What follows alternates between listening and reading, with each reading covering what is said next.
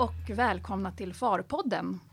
Idag ska vi prata om hur man ställer om sin verksamhet till att bli konkurrenskraftig även i framtiden. Och hur blir man Årets framtidsbyrå?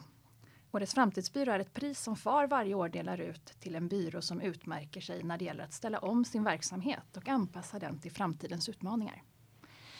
Vi som leder samtalet är jag, Pernilla Halling, chefredaktör för Balans. Och jag är också med, Dan Brännström, FARs generalsekreterare. Och eh, vi har tre gäster med oss i studion idag.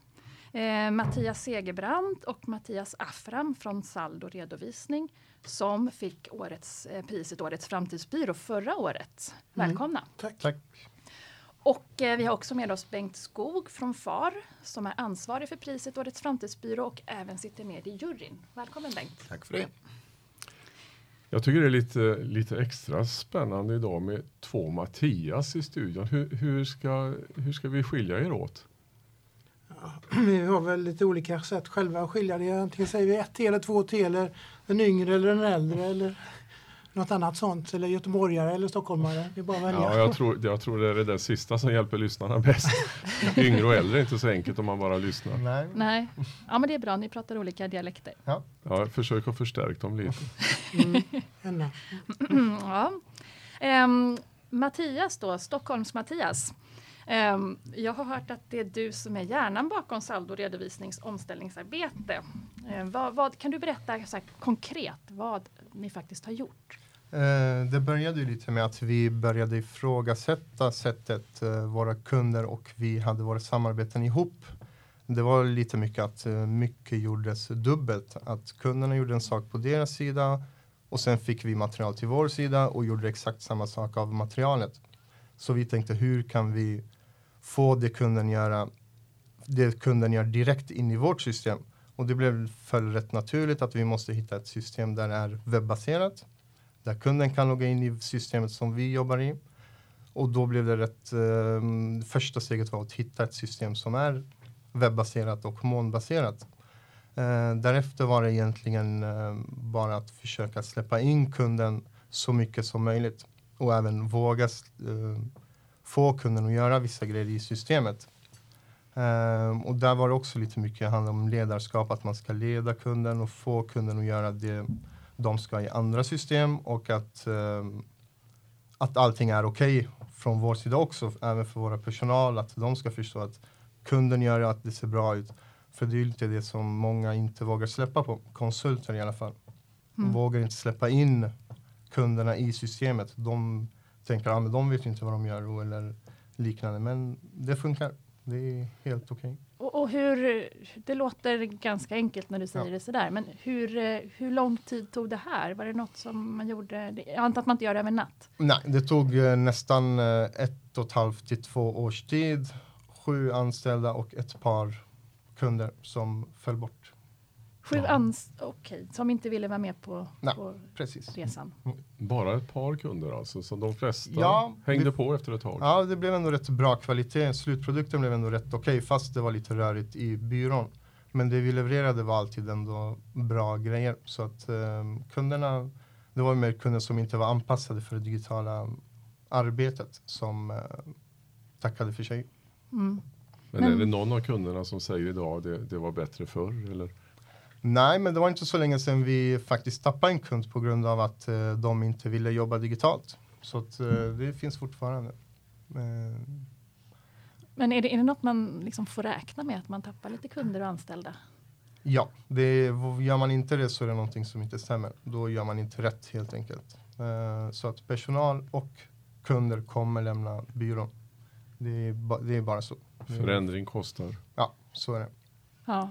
Uh, och där tror jag att ledarskapet är den absolut viktigaste. Det, är, det gäller inte bara att leda sina medarbetare utan man ska även leda kunden.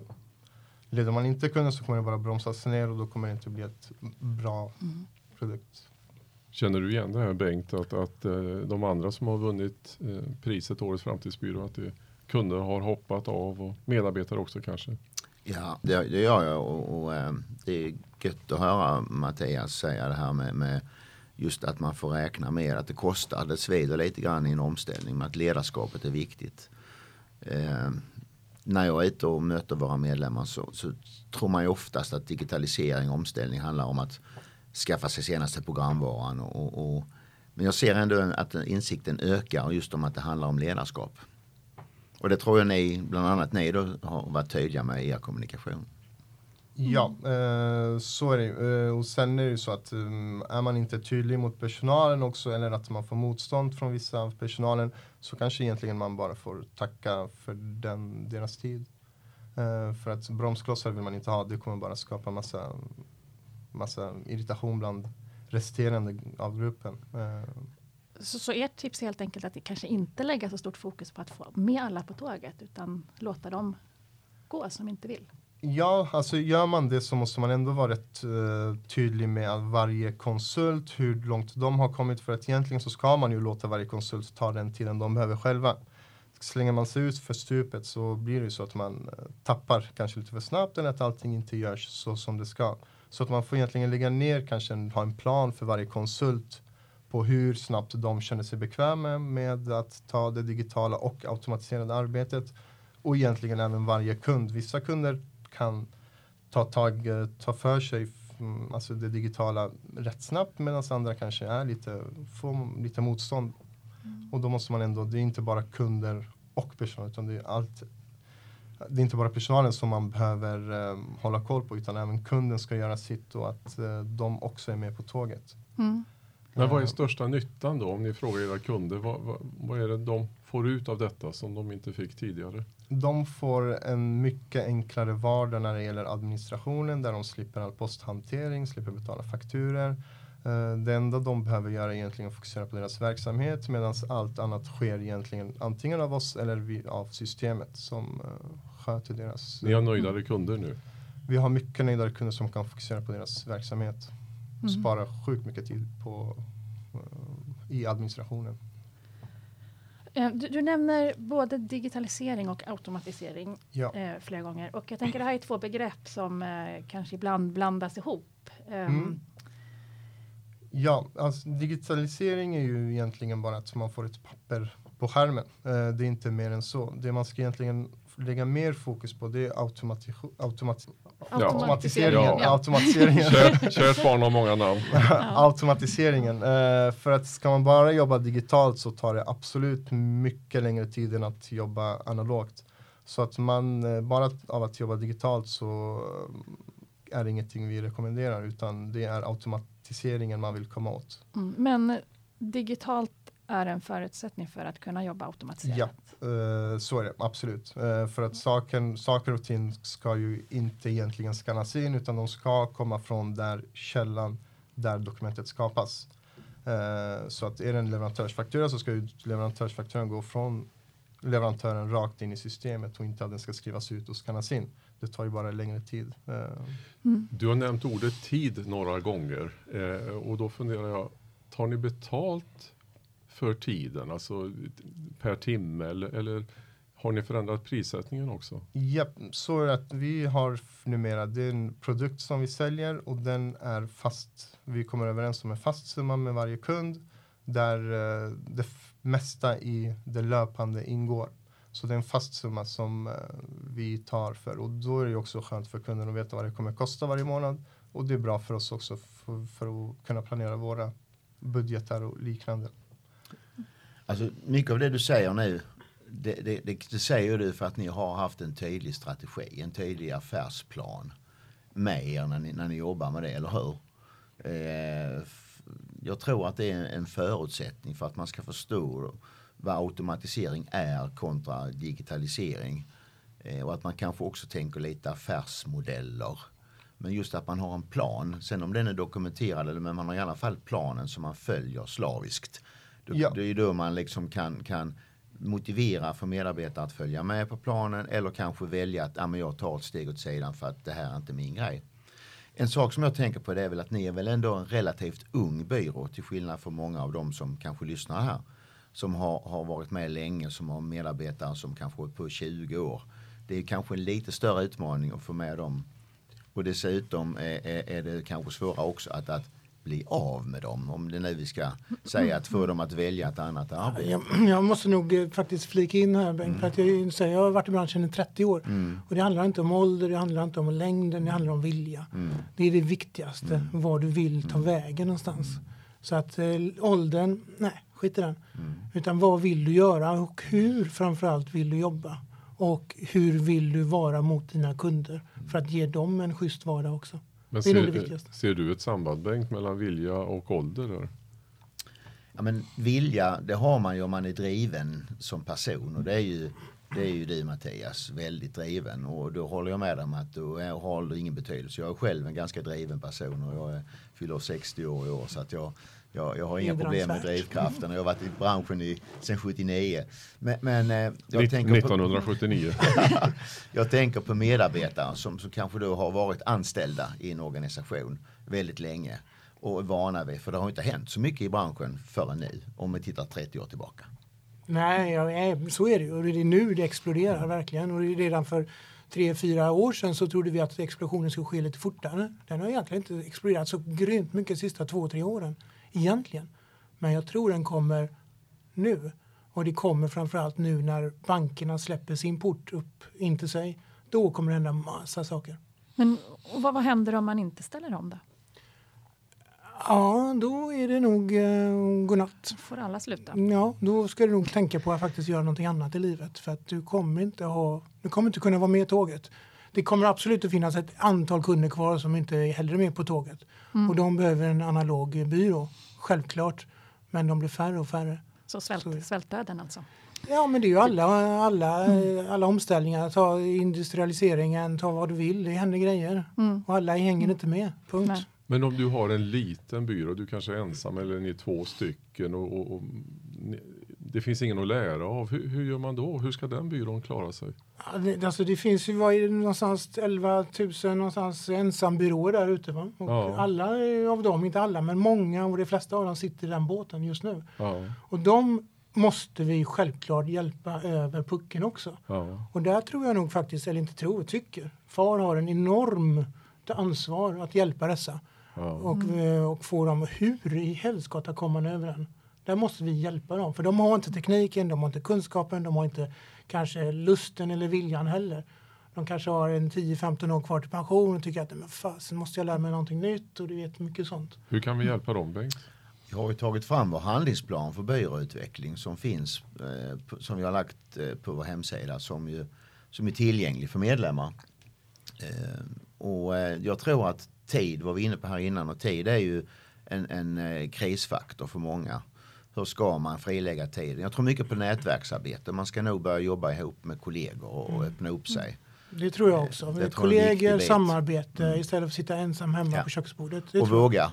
Det är ett ord som du ofta tar i din mun Mattias. Jag vet det. Våga är jättebra, men det är inte alla som Nej. vet vad det innebär och hur man gör Nej, det. men är man, ju fler man är så kan man våga. Men behövs det mycket pengar också? Krävs det investeringar? Nej, nej, inte alls. Det- Men det är som du säger Bengt, det krävs tid. Eh, och det är nog den absolut viktigaste saken. Du måste, du måste eh, förstå att det kommer att kräva tid i början. Men när du väl är över den pucken, ja, men då sparar du enorm tid. Så lägg ner den extra tiden för att komma över. Sen har du halleluja efteråt. Men eh, tid är viktigt i början. Men måste man vara IT-expert? Du behöver inte vara det, men du behöver vara i alla fall lite förstående. Eh, om du, ju mer data du kan, desto mer olika system kan du koppla ihop och automatisera. Det finns en sån eh, viktig sak. Men du behöver absolut inte vara IT-expert. Det finns ju expert, experter i varje eh, programvaruleverantör. De har ju sina experter. Och vilken programvaruleverantör du än har eller vilka system du vill koppla ihop. Det finns ju personer där i som kan hjälpa dig med det. Det viktiga här tror jag att, att du måste ha, du måste tänka, sätta dig ner och tänka vad vill jag? Ja. Och du måste göra någon form av affärsplan. Eh, och även lilla byrån. För att kunna våga välja bort vissa kunder som kanske inte är lämpliga för den modell du, du kan tänka dig.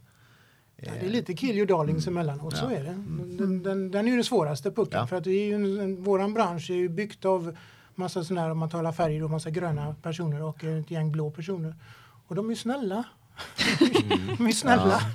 Så att, Jag, jag är gul Ja. tror jag. ja, Mest gul. jag ska inte berätta vad jag är då. Nej. Men, men, men, men du, jag, jag blev nyfiken när du nämnde att bankerna öppnar upp. Vad, vad är det som händer där? De ju, måste ju släppa ifrån sig sina transaktioner på ett mer offentligt plan än tidigare. Ja. Och det gör att alla dessa programvaruleverantörer som sitter i startblocken som bara väntar på att det ska ske. Som kan komma åt alla transaktioner för att konvertera över dem till någonting vettigt. För att sedan göra automatiseringen ännu starkare. Det är mycket bankerna som har bromsat rätt mycket kring den största automatiseringen. De har jag. öppnat upp tidigare i Finland tror jag. Ja, Ja. ja, och nu måste vi för det finns ett lagkrav på det. Ja. Mm. Ja, spännande. Ja, men, men, men Mattias, eh, Göteborgs-Mattias här. Ehm, ni har ju ändå bestämt er för att, eller ni bestämde er för att göra det här och investerade väl tid och, ja kanske inte så mycket pengar då, men i alla fall tid och engagemang. Ehm, vad, vad, vad vinner ni på det? Vad, har ni, vad är er belöning? Tjänar ni mer pengar? Ja, alltså så belöningen är mycket faktiskt.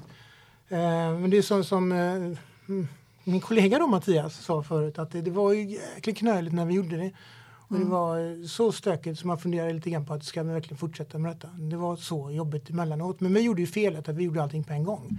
Så man tar det successivt bättre för att få en lugnare resa för sig själv. Och sen när man går över den pucken, den, den eh, tröskeln, så kommer det belöningar i många olika belöningar. Det kommer en, en kundnöjdhet som är galet mycket bättre än tidigare. Alltså, det, alltså, jag, jag vet inte, jag har inga ord för det för att det är så stor skillnad. Eh, det kommer en, en, eh, nöjdhet från din egen sida. Att du har bättre kontroll på dina grejer och att du behöver inte lägga ner lika mycket energi och du kan vara mycket, mycket, mycket friare var du jobbar ifrån. Så du, du vinner jättemycket där. Och den sista stora belöningen då om man vill tycker det är viktigt, det är ju pengar. Ni tjänar mer pengar idag, eller? Ofantligt mycket mer pengar. Oj. eh, till och med. Alltså det, är, det är en stor, stor skillnad. Eh, Så den belöningen, om man jagar pengar så ska man göra detta omedelbums. Men det är inte bara det som är intressant Nej. utan själva arbetet, hur man jobbar. Hur man kan leva sitt liv kring det jobbet. För tidigare var det så alla jobbar ihjäl sig.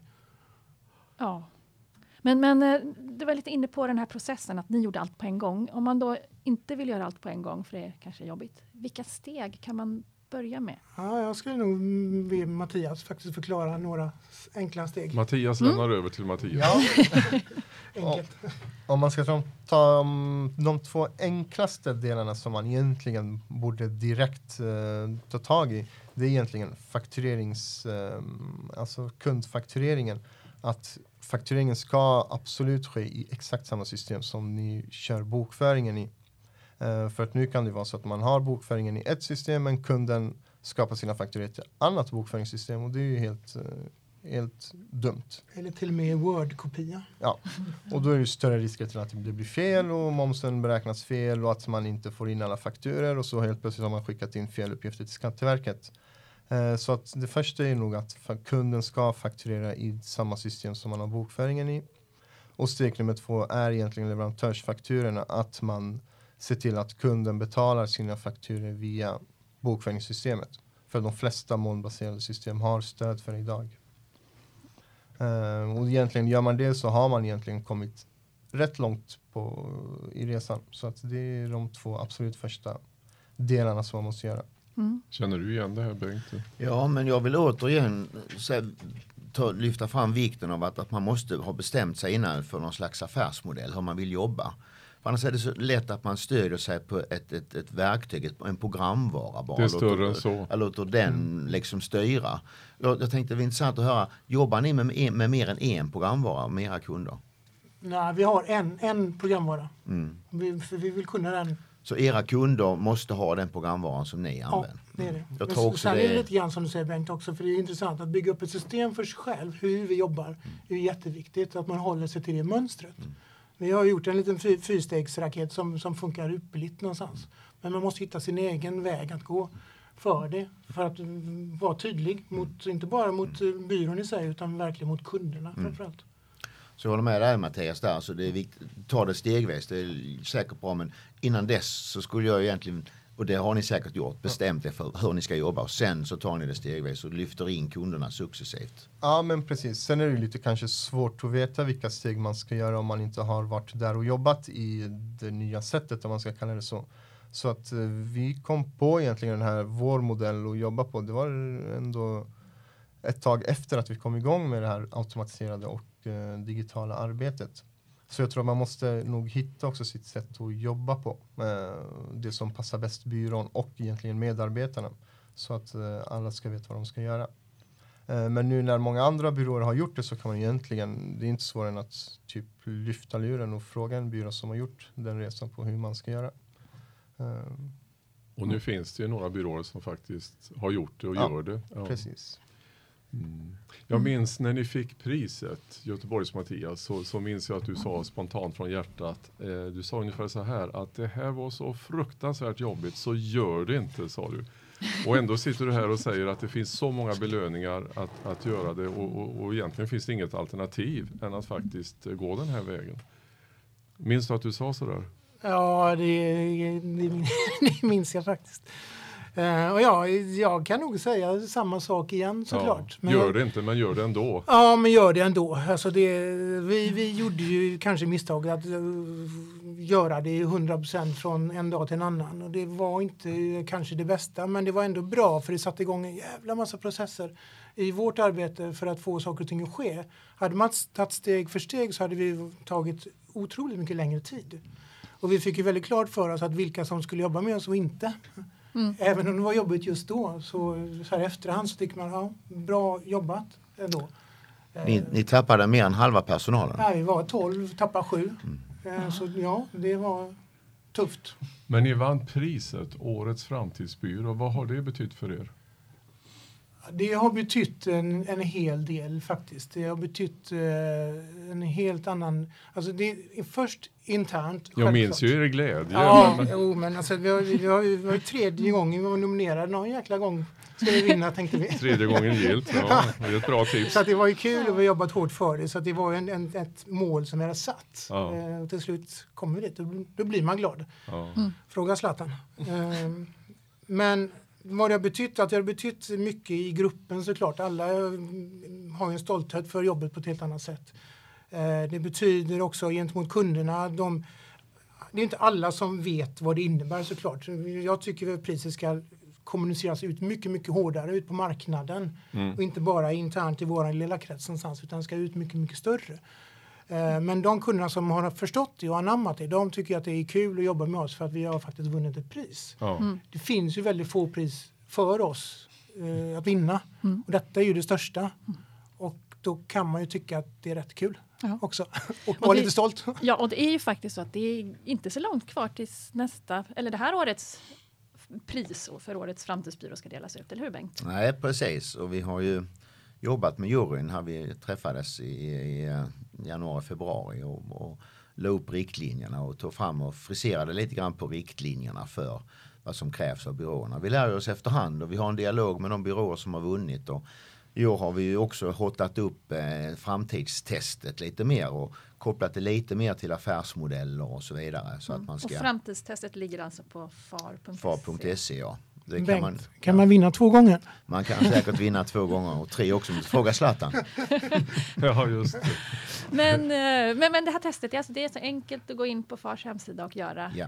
Alltså jag är förvånad över att det är så få som har gjort det. När jag varit ute och rest tidigare så ligger det ju kvar även efter att någon har vunnit. Alltså, För det är ju en, det är hjälp till självhjälp skulle jag vilja säga. Är Man man får- rädd att man inte har kommit Ja, så jag långt? vet inte. Det, det, men vi kan väl hoppas att de som lyssnar här ger sig in i alla fall. Ja, Jag går in och gör Fars framtidstest. Ja. Får du direkt, eller ganska direkt, eller så fort du har gjort testet får du ett kvitto på hur du ligger till. Ja, Och men det, det kvittot tycker jag då, det är rätt häftigt att få faktiskt. Att veta var man ligger till. Ja. Och sen är det självklart en enorm boost att kunna få vinna det också. Eller vara bara nominerad räcker långt. Absolut. Och hur funkar det med, här med nomineringarna då? Jo, om du uppnår ett visst antal poäng så, så eh, får, du, får du automatiskt en, en blankett som dyker upp i, i fönstret där på din dator. Där du kan fylla i och, och ansöka om att eh, komma med i tävlingen. Eh, annars så kan man göra det ändå fast man inte har eh, gjort framtidstestet. Man kan vara anställd på en byrå och höra det här. Så man mejlar så mejlar man in till Faries och, och så tar vi hand om det. Och sen kommer jag ju också att vara ute och leta och i mina kontakter så har jag kanske redan nu då eh, ett par byråer som jag känner att de, de ska vara med i tävlingen. Och, och som, precis som Mattias säger, alltså det är ett par byråer som var med i fjol tror jag som mycket väl kan aspirerar, aspirerar på, på eh, vinsten i år. Så att, eh, mm. Och när delar, delas priset ut? Det delas ut i samband med Fars stämma den 20, 20 september. september. Sista ansökningsdagen är den 10 augusti. Sen ska juryn börja arbeta efter det. Så man har gott om tid på sig. Spännande. Så att en uppmaning alltså att gör Fars framtidstest och eh, nominera din byrå om, om det blir ett bra resultat på testet. Eh, det här var en jättespännande diskussion. Eh, vi skulle säkert kunna prata om framtidsidéer hur länge som helst. Absolut. Men ehm, tack alla ni som har lyssnat och tack eh, Mattias och Mattias från Saldo Redovisning. Och Bengt och Bengt. Bengt och Bengt. Ja, det var bara en Bengt. Det var bara bara en Bengt. Tack så mycket. Tack. Tack. Tack.